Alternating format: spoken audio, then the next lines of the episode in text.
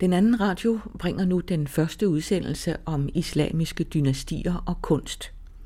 Professor Jørgen Bæk Simonsen fortæller om Arabien på profeten Muhammeds tid, om profeten og hans udvikling fra religiøs leder til politisk og militær leder, om de efterfølgende fire såkaldte retledte kalifer og om skabelsen af det islamiske imperium. Senere fortæller direktør for Davids samling, Kjeld von Folsak, om forskellige udgaver af Koranen og om billeder af profeten med og uden slør. Birgitte Rabeck har tilrettelagt og er i studiet.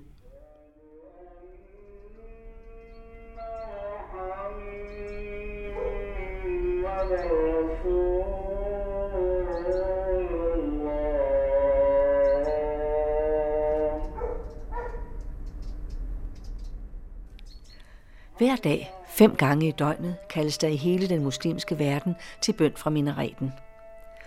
Med lyden fra denne minaret i Jerusalem byder jeg velkommen til den første udsendelse i den anden radioserie om islamiske imperier og dynastier og islamisk kunst.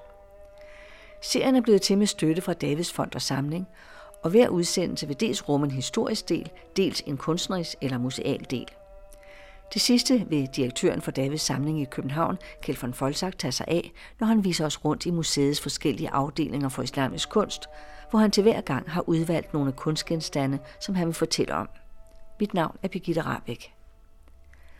I dagens historiske del vil professor Jørgen Bæk Simonsen tage os tilbage til perioden 570 til 661. Det vil sige til tiden for profeten Mohammed og de fire første kalifer. Men før Jørgen Bæk Simonsen fortæller om profet Mohammed, har jeg bedt ham om kort at skitsere det samfund, som Mohammed blev født ind i. Og han begynder meget passende med at fortælle, hvad man ved om profetens fødeby Mekka. Socialt var Mekka en øh, by baseret på øh, et antal stammer, som så indgik aftaler med hinanden for at sikre, at folk kunne færdes øh, i fred og ro. Økonomisk var byen en handelsby, som var forbundet i, med handelskaravaner både til Yemen og til øh, Syrien.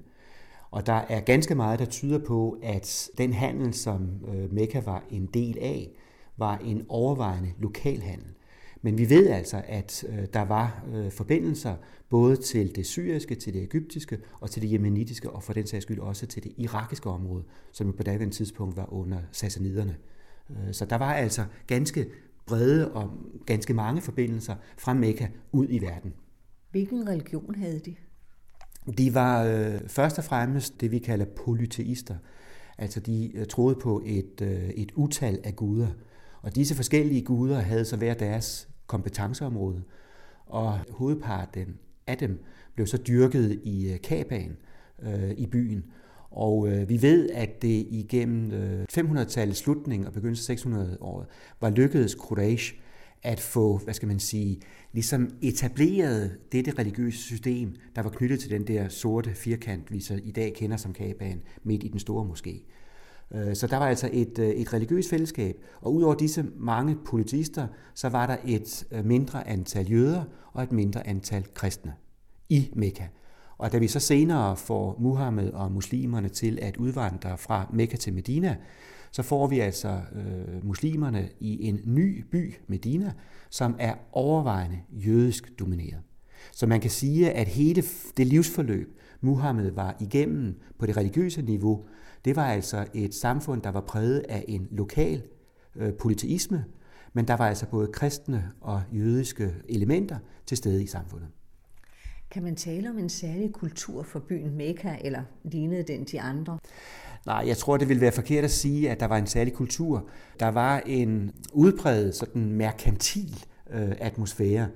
Og for at forstå det opgør, som Muhammed jo så lader øh, klinge ud som et religiøst opgør, der tror jeg også, at det er vigtigt at have blikket åben for, at der naturligvis var en række sociale spændinger, som genspejler øh, de konflikter af forskellige art, som det mekaniske samfund var en del af. Men en egentlig øh, kultur som noget unikt specielt, det tror jeg vil være en overdrivelse at, øh, at gøre gældende. Men det er klart nok, at der har været nogle juridiske, nogle sociale traditioner, som er dybt forankret i den verden, som den arabiske halvø udgjorde i århundrederne op mod islam. Det er der ingen tvivl om. Kender man noget til noget litteratur for den tid? Altså det må i så fald være digte. Ja, det er sådan øh, senere op i 700-tallet, da man begynder for alvor at interessere sig for det arabiske sprogs grammatik. Der gør man meget ud af at indsamle oplysninger om den såkaldte jahiliya-poesi, altså den præislamiske poesi, der forunderligt nok får sådan en sproglig, poetisk særstatus, uanset det forhold, at den faktisk hører hjemme i et samfund, der var præget af poetisme og alt muligt andet. Men der har været en rimelig øh, udviklet poetisk tradition, som også gjorde sig gældende, når stammerne indbyrdes skulle kappes om at lade deres digtere lovprises ens egen stammes fortræffeligheder og håndliggøre andre stammers mange på samme. Der har jo siden været en hel del diskussion om, hvorvidt øh, Muhammed var analfabet eller ej. Fandtes der nogen form for uddannelse i Mekka på det tidspunkt? Nej, det gjorde der ikke. Jeg er øh, ikke for mig, for mig vedkommende ikke et øjeblik i tvivl om, at øh, naturligvis har Muhammed været i stand til at både skrive og læse. Det er der ingen tvivl om. Han var jo, øh, som vi ved, øh, ganske meget engageret i handel, også inden han begyndte at få, hvad han selv kiggede på som, eller opfattede som åbenbaringer. Så han har kunnet skrive og læse, men nogen systemisk uddannelsessystem har vi ikke kendskab til. Det vi derimod har kendskab til, det er, at øh, vi i forbindelserne med Korans åbenbaring, der har vi altså en række meget klare tilkendegivelser af, at man fra muslimernes side meget tidligt begyndte at undervise andre i, hvad det var for en religion, der nu er ved at se dagens lys. Og lidt interessant er det også i den sammenhæng, at da Muhammed og muslimerne indgår nogle aftaler med Medina øh, forud for udvandringen i øh, 622, der har vi også leveringer om, at man med medinenserne tilbage til Medina sender en muslim, der kan undervise de få muslimer, der var dukket op i Medina, i hvad islam handlede om. Lad os lige se lidt mere på hovedpersonen Muhammed. Hvem var han? Han var øh, født i en af de mindre rige øh, mekanske familier. Han mistede sin far og sin mor meget tidligt, og blev af samme grund helt i overensstemmelse med øh, stammestrukturerne, stammetraditionerne, opdraget og opfostret hos øh, sin øh, fædrende onkel Abu Talib. Og det forhold, at han jo altså satte et decideret frontalt angreb øh, i gang mod de eksisterende religiøse overbevisninger, var naturligvis noget, som hidkaldte kritik fra omverdenen. Og de omgivende stammer forsøgte at få Abu Talib øh, og andre til at øh, lægge hindringer i vejen for Muhammed. Men der sejrede altså den klassisk traditionelle præislamiske stammesolidaritet, og Abu Talib var fuldstændig lojal over for Muhammed hele vejen igennem til han selv døde i 617. Så han var altså en øh, dreng, senere en ung mand, som øh, var engageret i, øh, i handel og handelsliv. Øh, vi ved så, at han blev giftet, øh, eller giftede sig med en øh, relativt rig, velhavende enke, for hvem han så øh, forestod handlen. Og der ved vi også fra enkelte udsagn i Koranen, at det er et fuldstændig mm, handelssamfund, der genspejler de øh, metaforer, de billeder, som Koranen gør brug af. Det er så forankret og så dybt en del af et, et handelsunivers, så der er ingen som helst tvivl om, at øh, han har været fuldstændig assur med handelslivets øh, mangfoldige øh, spidsfindigheder. Senere der blev gjort rigtig meget ud af hans kvinder. Mm. Altså, der er ikke det, han ikke er blevet beskyldt for. Kan du kort beskrive det? Man kan sige, at øh, han jo efter, at øh, hans øh, første hustru Khadija øh, døde, så er han jo dybt engageret i et religiøst, økonomisk, kulturelt opgør med elementer af sin egen tradition. Og der må man sige, at øh, for mig som ikke-muslim er der ingen som helst mærkværdighed i, at han altså også indgår en stribe både ægteskaber og forhold til kvinder, øh, som er politisk bestemt. Øh, og det er jo klart nok, at det er noget af det, der efterfølgende i den kristne fortolkning af islam fra tidernes morgen har stået som noget, den kristne tradition havde lidt vanskeligt ved. Nemlig at seksualiteten og i det hele taget seksualdriften er en fuldstændig øh, anerkendt del af den gudskabte verden, når vi kigger på Koranen. Hvornår gik han over fra at være karavanefører til at blive profet? Ja, overleveringen gør jo gældende, at han i perioden op til, at han fik eller modtog de første åbenbaringer i 610, at han der i stigende omfang i perioder af øh, sit liv søgte ud i bjergene omkring øh, Mekka i den såkaldte Al-Hira-grotte og gjorde sig overvejelser over livet og dets, øh, dets mening. Øh, og det var i den sammenhæng, at han omkring 610 så fik den første åbenbaring. Og så øh, får han øh, faktisk ikke ret mange flere.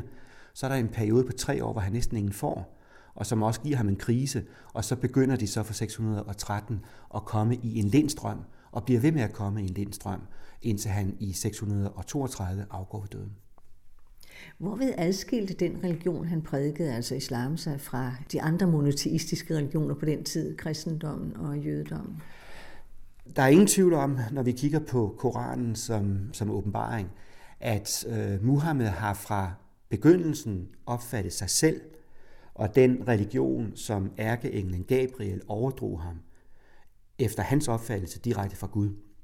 Den har han opfattet som en åbenbaring, der kom fra den ene sande Gud.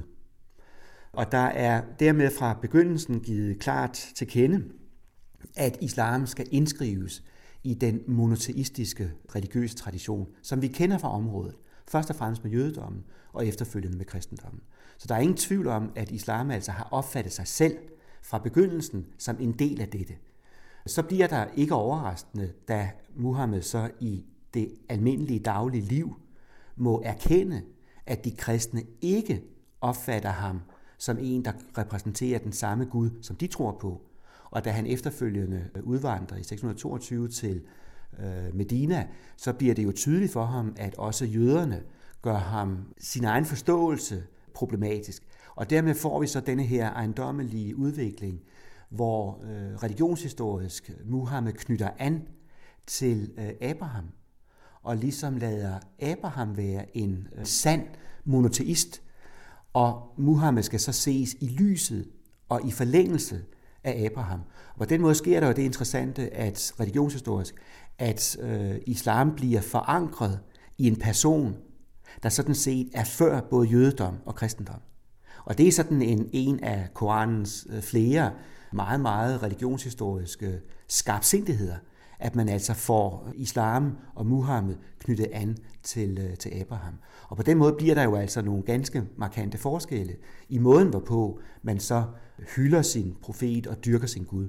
Der udvikles altså en egen måde at være muslimsk monoteist på, sammenlignet med den måde, hvorpå jøder var jøder og kristne kristne. Hvis vi lige kort ser på Koranen, hvem skrev den, og hvornår blev den skrevet? Ja, det er jo et rigtig godt spørgsmål, øh, fordi det er der jo øh, fantastisk øh, voldsom debat om. Hvis vi nu starter med måden, hvorpå muslimer selv opfatter det, så opfatter øh, muslimerne Koranen som øh, Guds endelige definitive åbenbaring til menneskeheden. overdraget Muhammed af Gabriel fra Gud. Og dermed bliver øh, i muslims selvforståelse Koranen Guds tale til menneskeheden. Den, den får så status af at være den endelige, fordi Muhammed indskrives i en lang række af profeter, der siden skabelsens begyndelse med mellemrum er udvalgt af Gud til at overdrage menneskeheden øh, information om, hvilken planer Gud har med verden. Og i den fortolkning, der indplaceres så personer som Jesus, som Moses og for den sags skyld Abraham, de indplaceres altså som tidligere profeter – på linje med Muhammed, som får den særlige opgave at overdrage Guds åbenbaring til menneskeheden.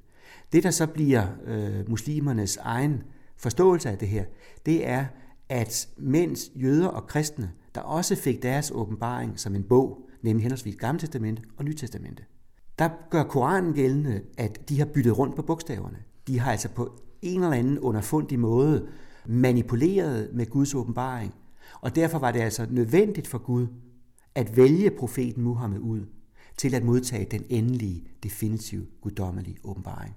Og den er så uden fejl. Og det er jo noget af det, som i øh, den øh, sådan standende religiøse øh, diskussion jo kan give øh, nogle muslimer en klar fornemmelse af, at de har noget, der er bedre end det alle de andre har. Og der kan vi så bare se, at øh, det er så en anden og anderledes måde at øh, placere sig selv øh, ind som den, der repræsenterer det rigtige i forhold til de andre. Det er jo vigtigt i den sammenhæng, altså religionshistorisk at huske på, at Jesus var jo ikke kristen, da han blev født. Jesus er født jøde, men gør altså op med øh, dele af den jødiske tradition, og dem, der så valgte at tro på ham som øh, Guds søn, øh, de laver så og etablerer så kristendommen.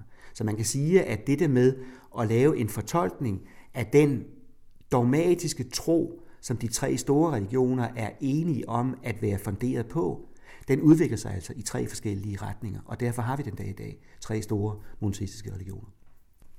Modstanden mod Mohammed og hans budskab, det blev så stærkt, at han i 622 øh, så sig nødsaget til at flygte fra Mekka til Yatrib, ja. som senere kom til at hedde Medina. Det er fra det år, at den islamiske tidsregning øh, går. Hvorfor var det så vigtigt, eller et så skældsættende år? Det, det bliver det i den, igen i den muslimske selvforståelse. Den, den muslimske kronologi tager udgangspunkt i udvandringen fra Mekka til Medina. Og når den tager udgangspunkt i udvandringen fra Mekka til Medina, så er det fordi ummagen, altså samfundet af troende muslimer, det bliver så at sige frigjort fra sin arabiske samtid. Og så får vi et antal muslimer, der slår sig ned i nabobyen Medina, som personer, som ikke er blodsmæssigt, slægtsmæssigt forbundet, men er forbundet i antagelsen af, at Muhammed er en profet. Og det vil sige, at vi får altså en ny social gruppering. Og denne sociale gruppering tager altså udgangspunkt i, at de er en del af den umma, som Gud øh, mener skal have over den endelige definitive guddommelige åbenbaring, sådan at man kan indrette sig i overensstemmelse med Guds plan for skabningen. Og derfor bliver udvandringen jo af indlysende grunde vigtig. Der er den lille pointe, at vi jo kan se nøjagtigt samme system i den kristne tidsregning.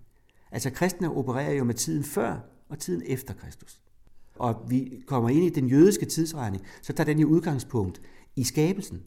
Og de er i 5.000 og et eller andet antal år efter skabningen. Så man kan sige, at her har vi altså jævnført det, vi snakkede om det tidligere, der har vi altså endnu en fortolkning, der bliver vidt forskellig men baseret på det samme, nemlig at man i forhold til den Gud, man tror på, forankrer sin, øh, sin, sin egen kronologi.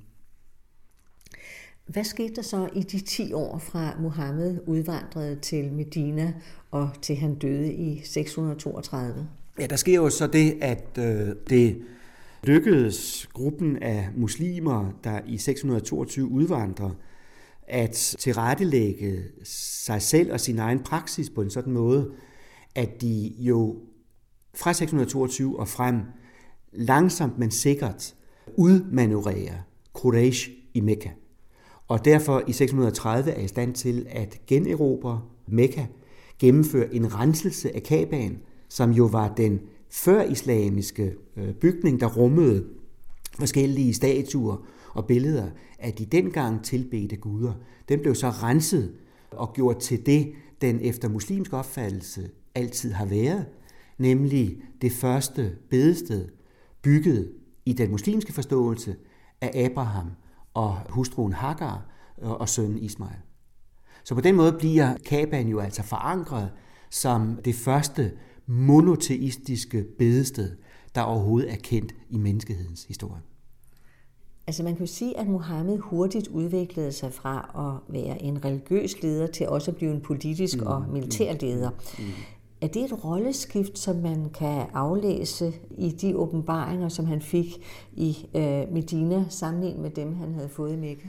Det kan man meget nemt. Øh, altså åbenbaringerne øh, i deres helhed genspejler meget øh, tydeligt skiftende, foranderlige situationer, som mennesket Muhammed har været fanget i eller bundet af. Og derfor kan vi også efter udvandringen se, at en række af de udfordringer, som den nye gruppering af muslimer, der jo finder sammen i den i antagelsen af en ny religion, så må de jo gøre op med sig selv, hvordan skal vi øh, udvikle regler for, hvem vi må gifte os med? Hvad slags føde må vi spise? Hvordan skal vi øh, fordele arv efter dødsfald? Hvordan skal vi forholde os til andre? Og så fremdeles. Og der er der altså et utal af konkrete situationer i forløbet fra 622 frem til Muhammeds død 632, som fantastisk tydeligt genspejler dette. Noget, der også genspejles, det er jo de opgør, som muslimerne blev involveret i, i kampen mod øh, Quraysh i Mekka. Og derfor er der et antal opfordringer til at anstrenge sig øh, for Guds skyld, eller på Guds vej, det vi øh, i nutiden kender som jihad, hvor man altså opfordrer muslimer, og for den sags skyld også andre, til at deltage i det, Muhammed og muslimerne opfatter som en religiøs funderet kamp mod polyteisterne i Mekka. Så der er et stort antal eksempler, hvor det er den nye virkelighed, der meget tydeligt slår igennem. Da Mohammed så dør, øh, er der så straks strid om, hvem der skal være hans øh, efterfølger, eller giver det sig selv? Nej, der må man sige, at øh, de uoverensstemmelser, som allerede er til stede under hans egen ledelse af umagen i Medina, slår ud i lyslue. Altså de ældste overleveringer, vi overhovedet har, antyder, at der var ganske stor og ganske forskellige syn på, hvem der skulle være efterfølger, eller stå i spidsen for det muslimske samfund efter profetens død. Og det, det genspejler jo altså, at den umma, han havde skabt, den var, bevar mig vel, i stand til at udmanøvrere de andre. Men den havde altså også indbyggede modsætninger. Og det er så de indbyggede modsætninger, der slår ud i lys lue efter Muhammeds død i 632. Og det er så det, der baner vejen for, at vi får de fire retledte kalifer, som man siger i den sunnimuslimske tradition, der tager over som profeten Muhammeds efterfølgere. Mens shia-muslimerne jo udvikler deres egen forståelse af, at det burde have været Ali, som er søn af den Abu Talib, der tog sig af at opfostre Muhammed, da han blev forældreløs.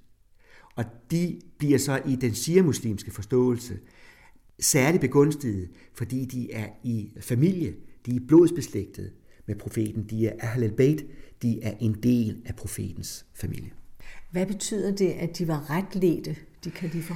Det hænger sammen med, at øh, de kilder, vi har, de ældste kilder, vi har, som skildrer disse interne uoverensstemmelser, de har et udsagn, hvor Abu Bakr, som bliver den første kalif, på Omars, der er den anden kalifs foranledning, han stiller i udsigt, at han vil afkræve muslimerne loyalitet, så længe han følger, hvad Koranen angiver er rigtigt på den ene side, og profetens sædvane, hans sunna på den anden.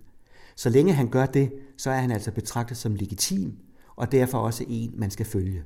Og der bliver så efterfølgende udviklet en forståelse af, at øh, de fire første kalifer er de såkaldte retledte kalifer.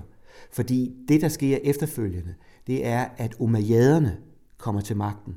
Og umayyaderne er efterkommere af de mest arve modstandere, man overhovedet kan forestille sig, af Muhammed, mens han var i færd med at åbenbare sin nye religion. Og det var der altså mange, øh, som følte, at det var måske lige lovligt voldsomt, at disse benhårde modstandere i 661 ender med at få kontrollen over kalifatet. Derfor har man så efterfølgende udviklet et, øh, en idealforestilling, at de fire øh, første kalifer, Abu Bakr, Umar, Uthman og Ali, var retledte. Altså mens Mohammed levede, var der jo en del opgør med mm. de fjender, de mm. samtidige fjender. Hvornår øh, begyndte så de islamiske erobringer, altså starten på det senere så mægtige islamiske imperium? Ja, de begynder efter Muhammeds død i, øh, i 632.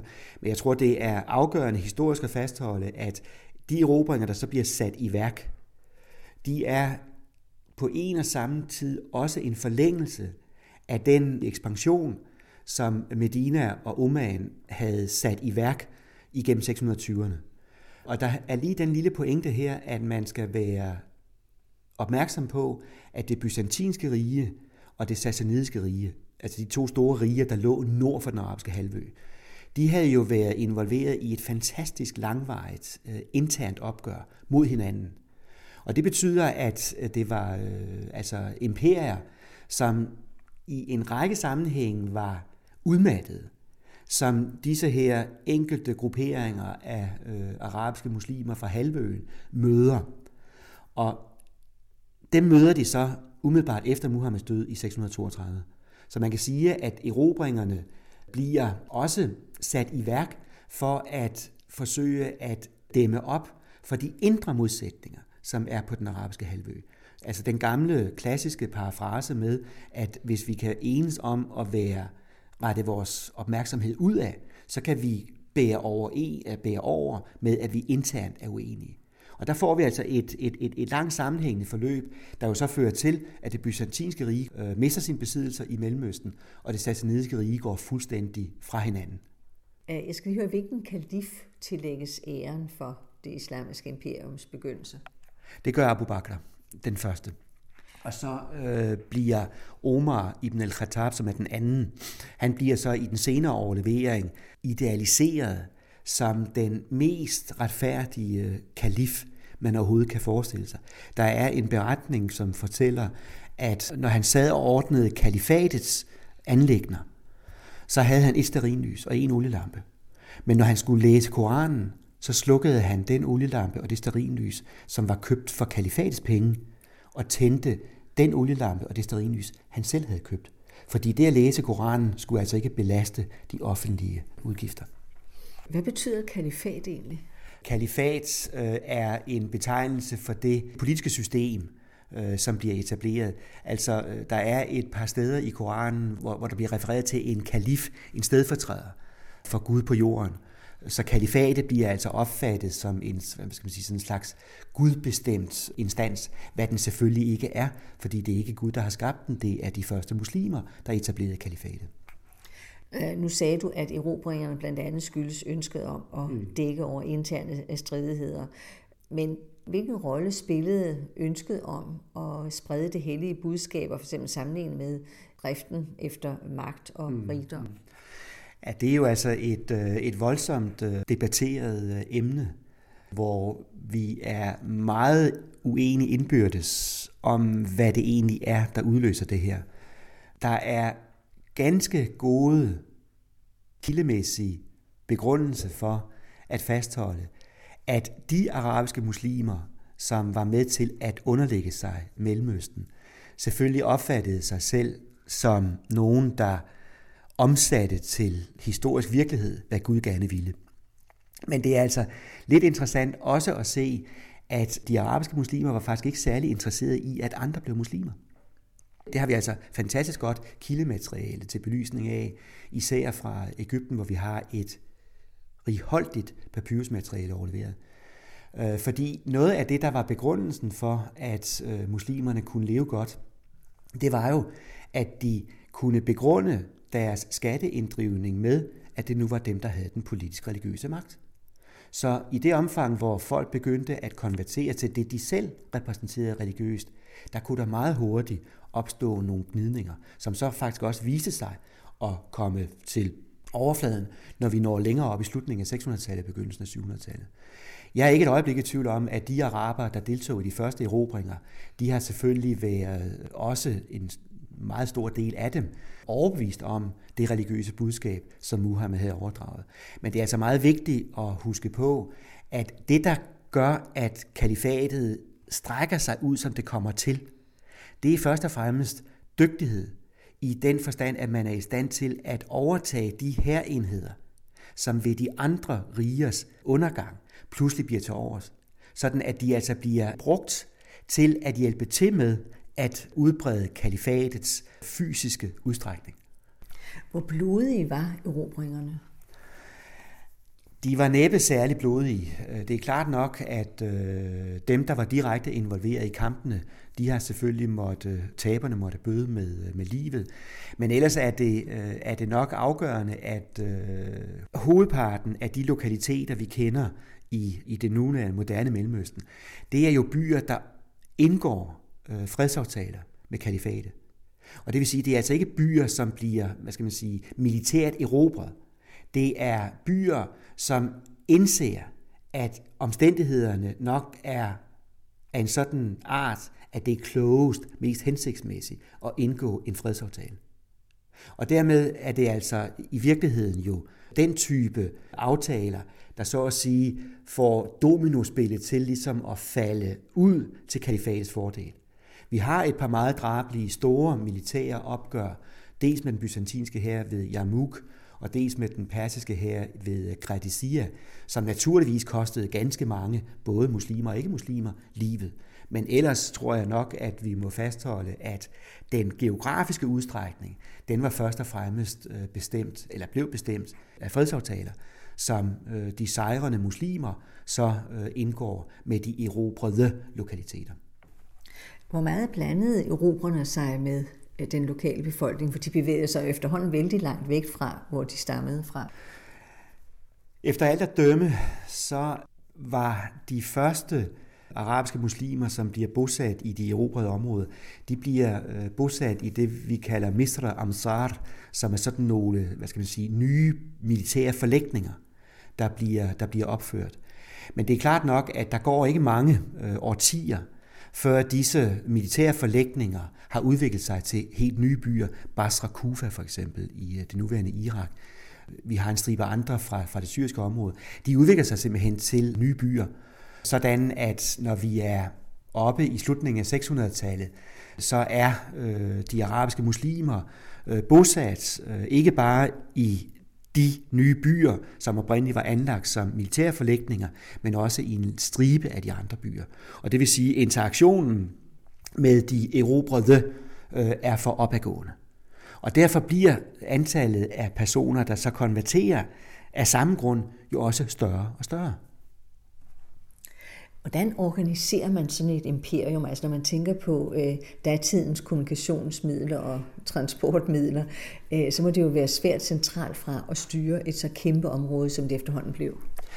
Derfor tror jeg også, at det er meget afgørende at huske på, at øh, kalifatet i sin begyndelse var en umådelig hierarkisk, men også øh, relativt løs struktur. Vi kan se fra papyrusmateriale, papyrusmateriale i Ægypten, at kalifen i Damaskus for eksempel kan sende besked til provinsguvernøren i Ægypten, at han nu er ved at bygge nogle paladser og nogle moskéer i Jerusalem. Og derfor vil han gerne have, at den og den landsby sender fire tømmere og en snedker øh, som skal øh, betales af den lokale egyptiske administration, sådan at de kan komme til Jerusalem og arbejde i fire måneder. Og der får vi jo altså en meget tydelig indikation af, at der er udviklet et meget, meget velfungerende kommunikationssystem. Og det var jo et, som kalifatet overtog fra det byzantinske rige. Men det er også, et, øh, det er også en administration, som er umådelig øh, langsomlig på andre punkter. Vi har nogle øh, interessante brevvekslinger mellem den egyptiske provinsguvernør på den ene side, og så de øh, personer, han havde placeret under sig i forvaltningen af Ægypten ned langs Nilfloden. Og der kan vi se, at øh, han kærer sig nogle gange provinsguvernøret over, at en eller anden jorddrot, pagak som det hed, ikke havde indbetalt, hvad han skyldte i skat. Og det illustrerer altså, at, at øh, der, der, der er et meget velfungerende lokal forvaltning, som det lykkedes kalifatet at overtage, og så yderligere forfine. Og derfor kan vi også se efterhånden, som 600-tallet går fremad, at det antal ydelser, som kalifatet afkræver den erobrede befolkning, bliver jo større og større.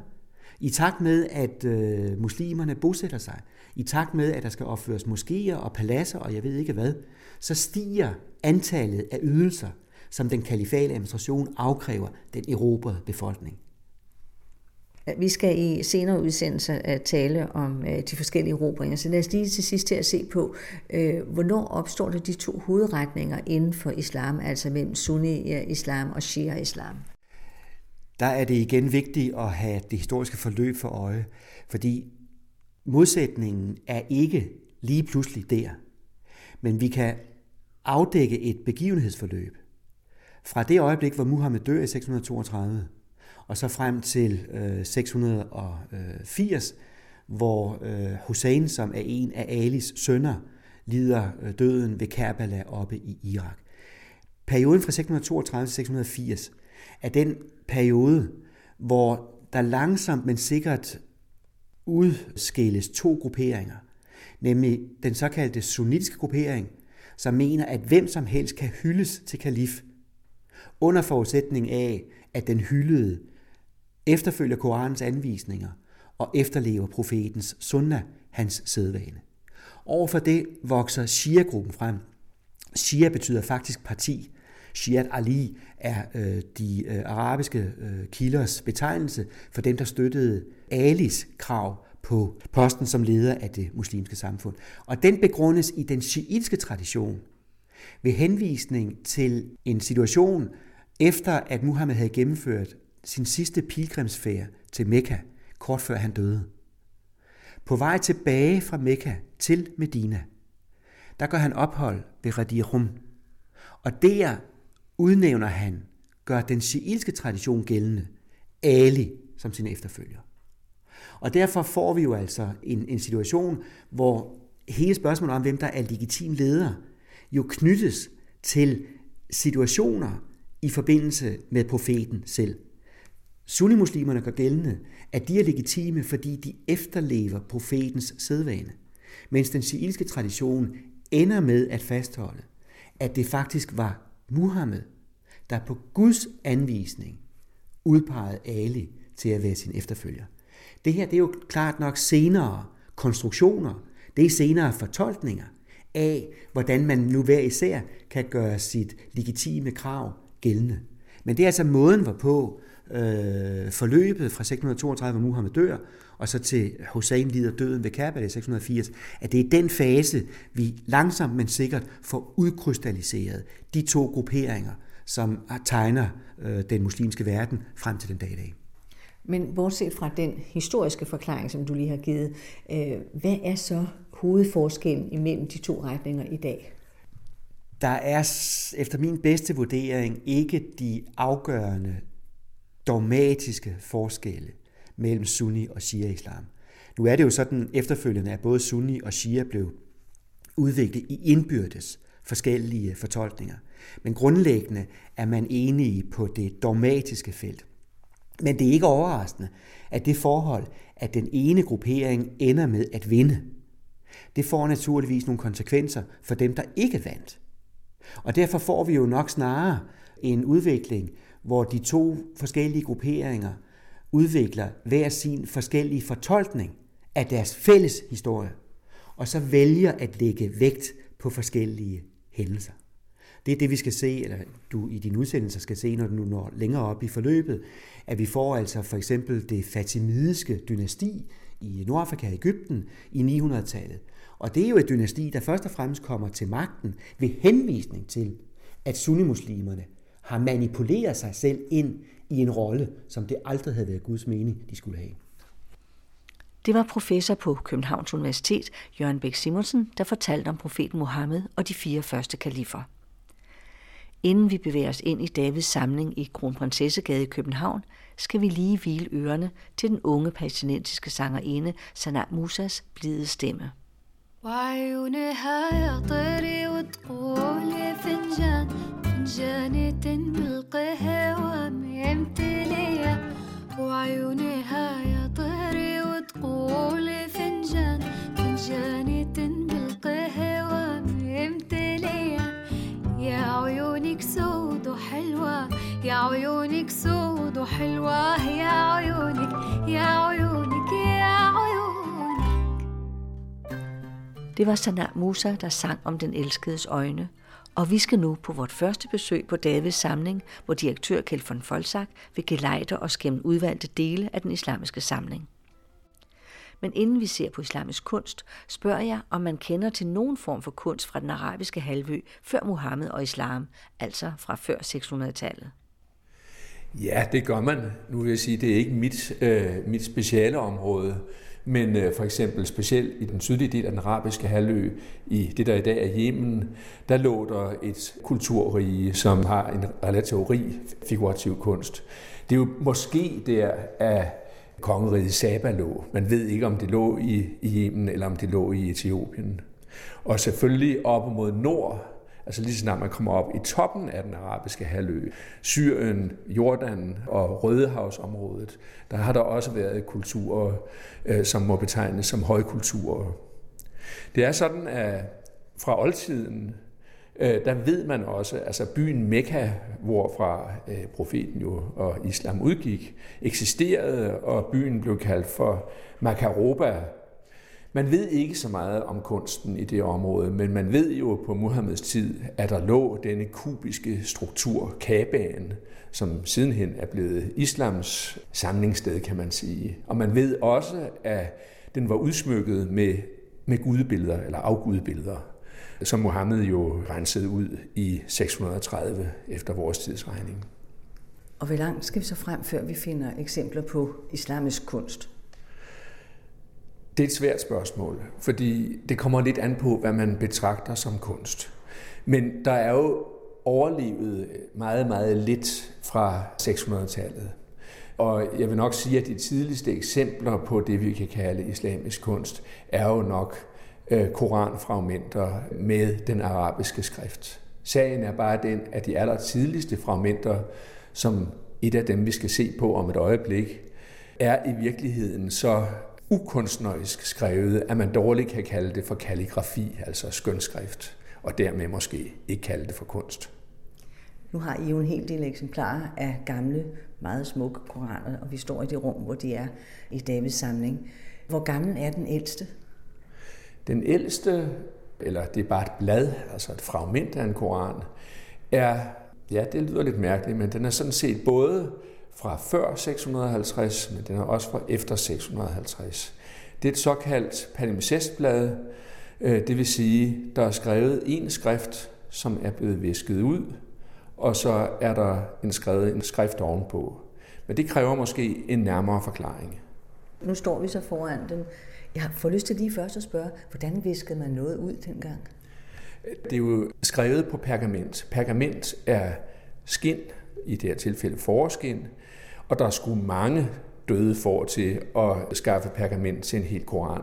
Materialet var kostbart, og af samme årsag, hvis en bestemt tekst var uinteressant, så skrabede man den af.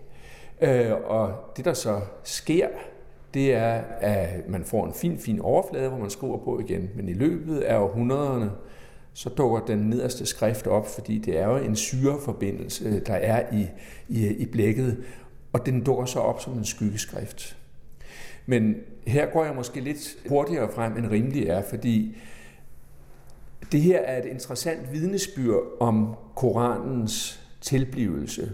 Det er jo sådan ifølge øh, muslims tradition, så bliver Koranens tekst overbragt Mohammed mundtlig af ærkeenglen Gabriel. Og han går så ned blandt sine øh, fælder i Mekka, sidenhen i Medina, og fortæller hvad der er blevet sagt. Og nogle af disse fælder skriver så øh, beretningerne ned. Der sker så det, hvad der selvfølgelig må ske, at der er opstår små forskelle i de forskellige afskrifter. Og den tredje kalif, altså efterfølger øh, til Mohammed, øh, Utman, øh, som øh, er kalif fra 644 til øh, 656, omkring midt i hans regeringsperiode, så kodificerer han Koranen og siger, nu er der herefter én Koran. Og det er den, der er den rigtige. Og, det og, og så siger han selvfølgelig, at det er den Koran, som, som øh, Muhammed har fået øh, overragt af, af Gabriel, ikke? eller overleveret af Gabriel. Men den nedenunderliggende tekst, altså den, der blev fjernet, har faktisk minimale afvielser fra øh, den koran, som vi kender i dag. Det er et fænomen, som øh, de muslimske lærte taler om allerede i 700-800-tallet.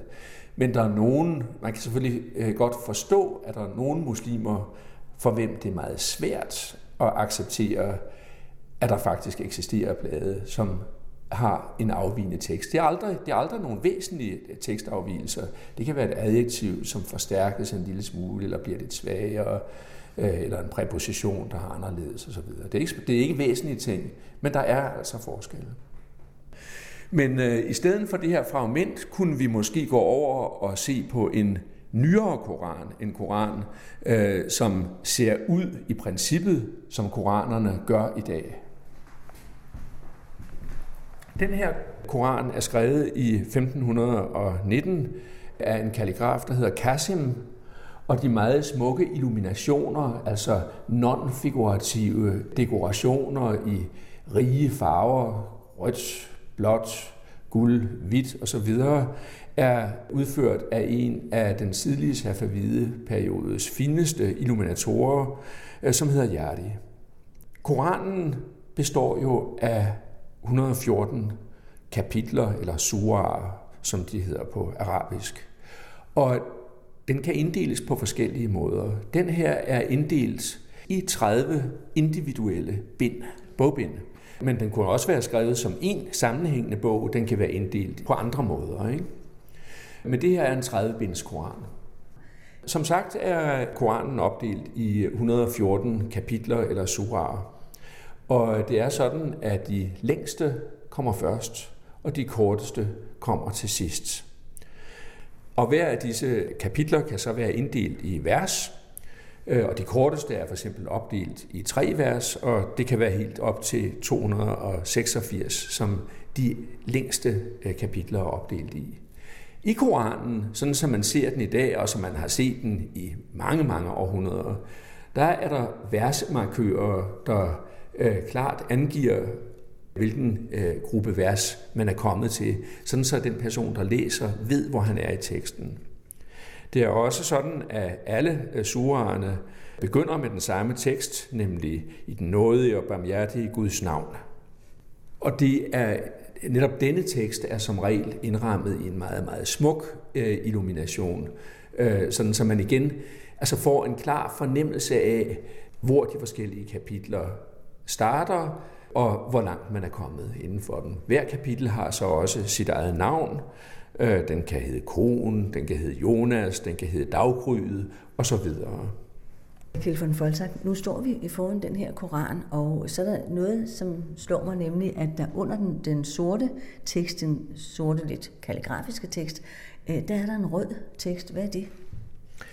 Ja, det er faktisk sådan, at selve Koranen, altså fra kalligrafens side, er skrevet med sort blæk og skrevet i den øh, skrifttype, øh, som man kalder naske eller nask. Det er selvfølgelig skrevet på arabisk. Men den her Koran er jo lavet i Iran, eller fremstillet i Iran. Og ikke alle persere var i stand til at læse arabisk. Selvom de har kendt teksten, så har det været praktisk for dem at have en tekst nedenunder i deres eget sprog. Og derfor er den røde tekst, som du ser nedenunder, der er skrevet i en kalligrafisk stil, der er meget typisk for Iran, den såkaldte nastalik. Det er sådan en skrå, meget, meget kursiv skrift. Den er altså på persisk eller på farsi, som vil være den rigtige. Og det vil sige, at man har kunnet forstå teksten helt nøjagtigt. Ligesom du for eksempel kunne opleve i den katolske kirke i gamle dage, hvor messen var på latin, så nedenunder, så stod den ofte på modersmålet, sådan så man både kunne læse den på latin, hvis man var dygtig nok, og hvis ikke, så kunne man altså følge med i den danske tekst. Nu er det jo alt sammen non-figurative øh, motiver, der er på den her koran, som vi står foran. Man har jo talt meget om billedforbuddet i islam. Er det noget, som man kan finde begrundelse for i Koranen? Ja, det kan man. Der er flere advarsler mod afguderi eller afgudstyrkelse, billeddyrkelse osv. Men der er egentlig ikke et tale om et egentligt billedforbud i Koranen. Det finder man senere hen i de skrifter, som bliver kaldt hadith, som er de skrifter, der omhandler, hvad profeten har sagt til nogle af sine venner, eller hvad man har afledt af hans levevis osv. Og der er det sådan, at kunstneren vil blive kaldt frem på den yderste dag og spurgt, om han kan skabe liv i de billeder, som han har lavet, hvad han selvfølgelig ikke kan, og så bliver han fordømt. Og de personer, der ejer billeder, bliver sammenlignet med folk, der har hunde eller, eller har svin inden døre, ikke? Altså, hvilket er en grov øh, fornærmelse i en muslimsk sammenhæng. Så der er absolut meget voldsomme advarsler mod det, og det hænger selvfølgelig sammen med, Det, som man øh, også kender inden for jødedommen og i visse perioder inden for kristendommen, nemlig at man ønsker ikke, at de troende skal tro på et billede frem for den sande Gud. Altså, det har jo også været en diskussion for eksempel mellem lutheranere og katolikker, hvor lutheranere fik nok af katolikernes mange billeder af Jomfru Maria og forskellige helgener. Man mente, at det måske distraherede øh, de troende fra den sande Gud osv. Så, så, videre. så det er en, en, en, en situation, man kender mange steder fra. Har man taget det fuldstændig alvorligt hele vejen igennem? Nej. Altså, i løbet af de næste 20 udsendelser vil vi utvivlsomt få mange, mange, mange eksempler øh, på, at man ikke har taget billedforbuddet alvorligt. Og jeg vil sige, selv når det kommer til de aller helligste områder, vil vi i det rum, hvor vi står, kunne se, at det faktisk ikke er tilfældet. Ja, lad os gå over og se på det. Vi står øh, Øh, nu over for en miniature, der stammer fra et seksbindsværk om profetens liv, altså profeten Mohammeds liv. Og det er bestilt af øh, Murad den 3.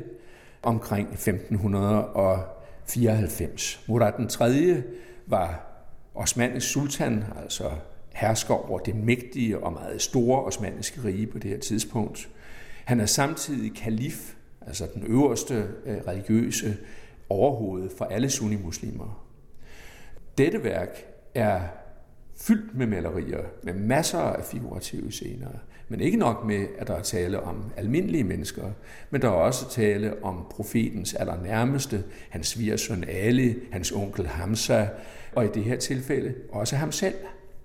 Men som du kan se, så er profeten i det her manuskript, der har han et slør foran ansigtet, så man ser faktisk ikke profetens ansigt.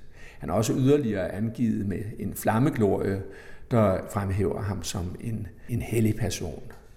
Men øh, der findes faktisk også eksempler på, at profeten bliver vist med sit fulde ansigt. Vi har for eksempel et frontispice-maleri, altså det vil sige, det er det maleri, der indleder et bestemt skrift fra øh, en af bøgerne til Øh, den persiske digter Nisamis Hamza, hans fembog. Og der ser man den berømte scene, som ofte bliver kaldt for Miraj, altså profetens mystiske rejse til himlen på det bevingede dyr øh, Burak og sammen med ærkeenglen Gabriel. Og her ser man profetens ansigt. Det er et manuskript fra 1388, og det er måske nok meget karakteristisk, at specielt i århundrederne efter mongolernes erobring af den islamiske verden, er der et lidt andet forhold til afbildninger af profeten, end man ellers har set. Der findes også skildringer af profetens fødsel og hele hans liv, hvor man ser hans ansigt. Ligesom der i dag findes masser af, skal vi sige, folkelige billeder, som du kan købe overalt i bazaren i Iran, hvor du ser profetens ansigt. Så dette, om man kan afbilde folk eller ej, man ser forskelligt på det i forskellige perioder, og det øh, gælder altså også noget så helligt som profeten selv. Gud er der derimod aldrig billeder af. Måske skal vi lige tilføje, at den mystiske rejse, natterejsen, at den foregik fra Jerusalem. Den foregik fra Jerusalem, som jo i islams allertidligste tid i virkeligheden var kiblaen når man bad. Altså man vendte sig i den allerførste periode mod Jerusalem, når man bad, og siden bliver kiblaen forandret til, at man retter sig mod Kabaen. Og det er jo den, der har været gældende, altså stort set lige fra islams begyndelse.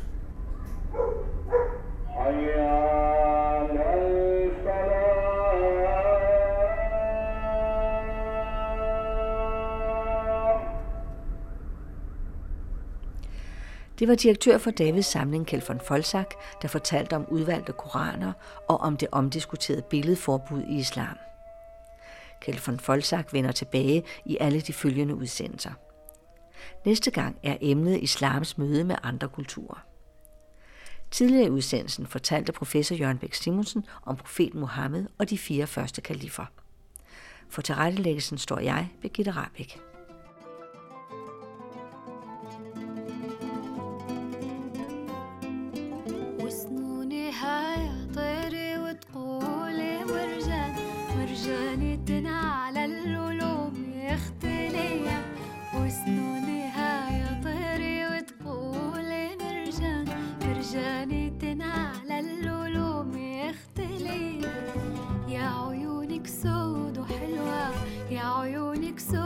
حلوة يا عيوني يا عيوني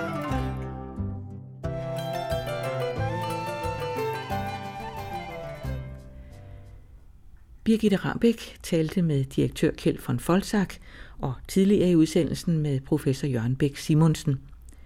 Som nævnt handler næste udsendelse om islams møde med andre kulturer, som professor Patricia Krone vil fortælle om. På vores hjemmeside kan man se billeder af de omtalte kunstgenstande og finde et link til Davids samling med flere informationer.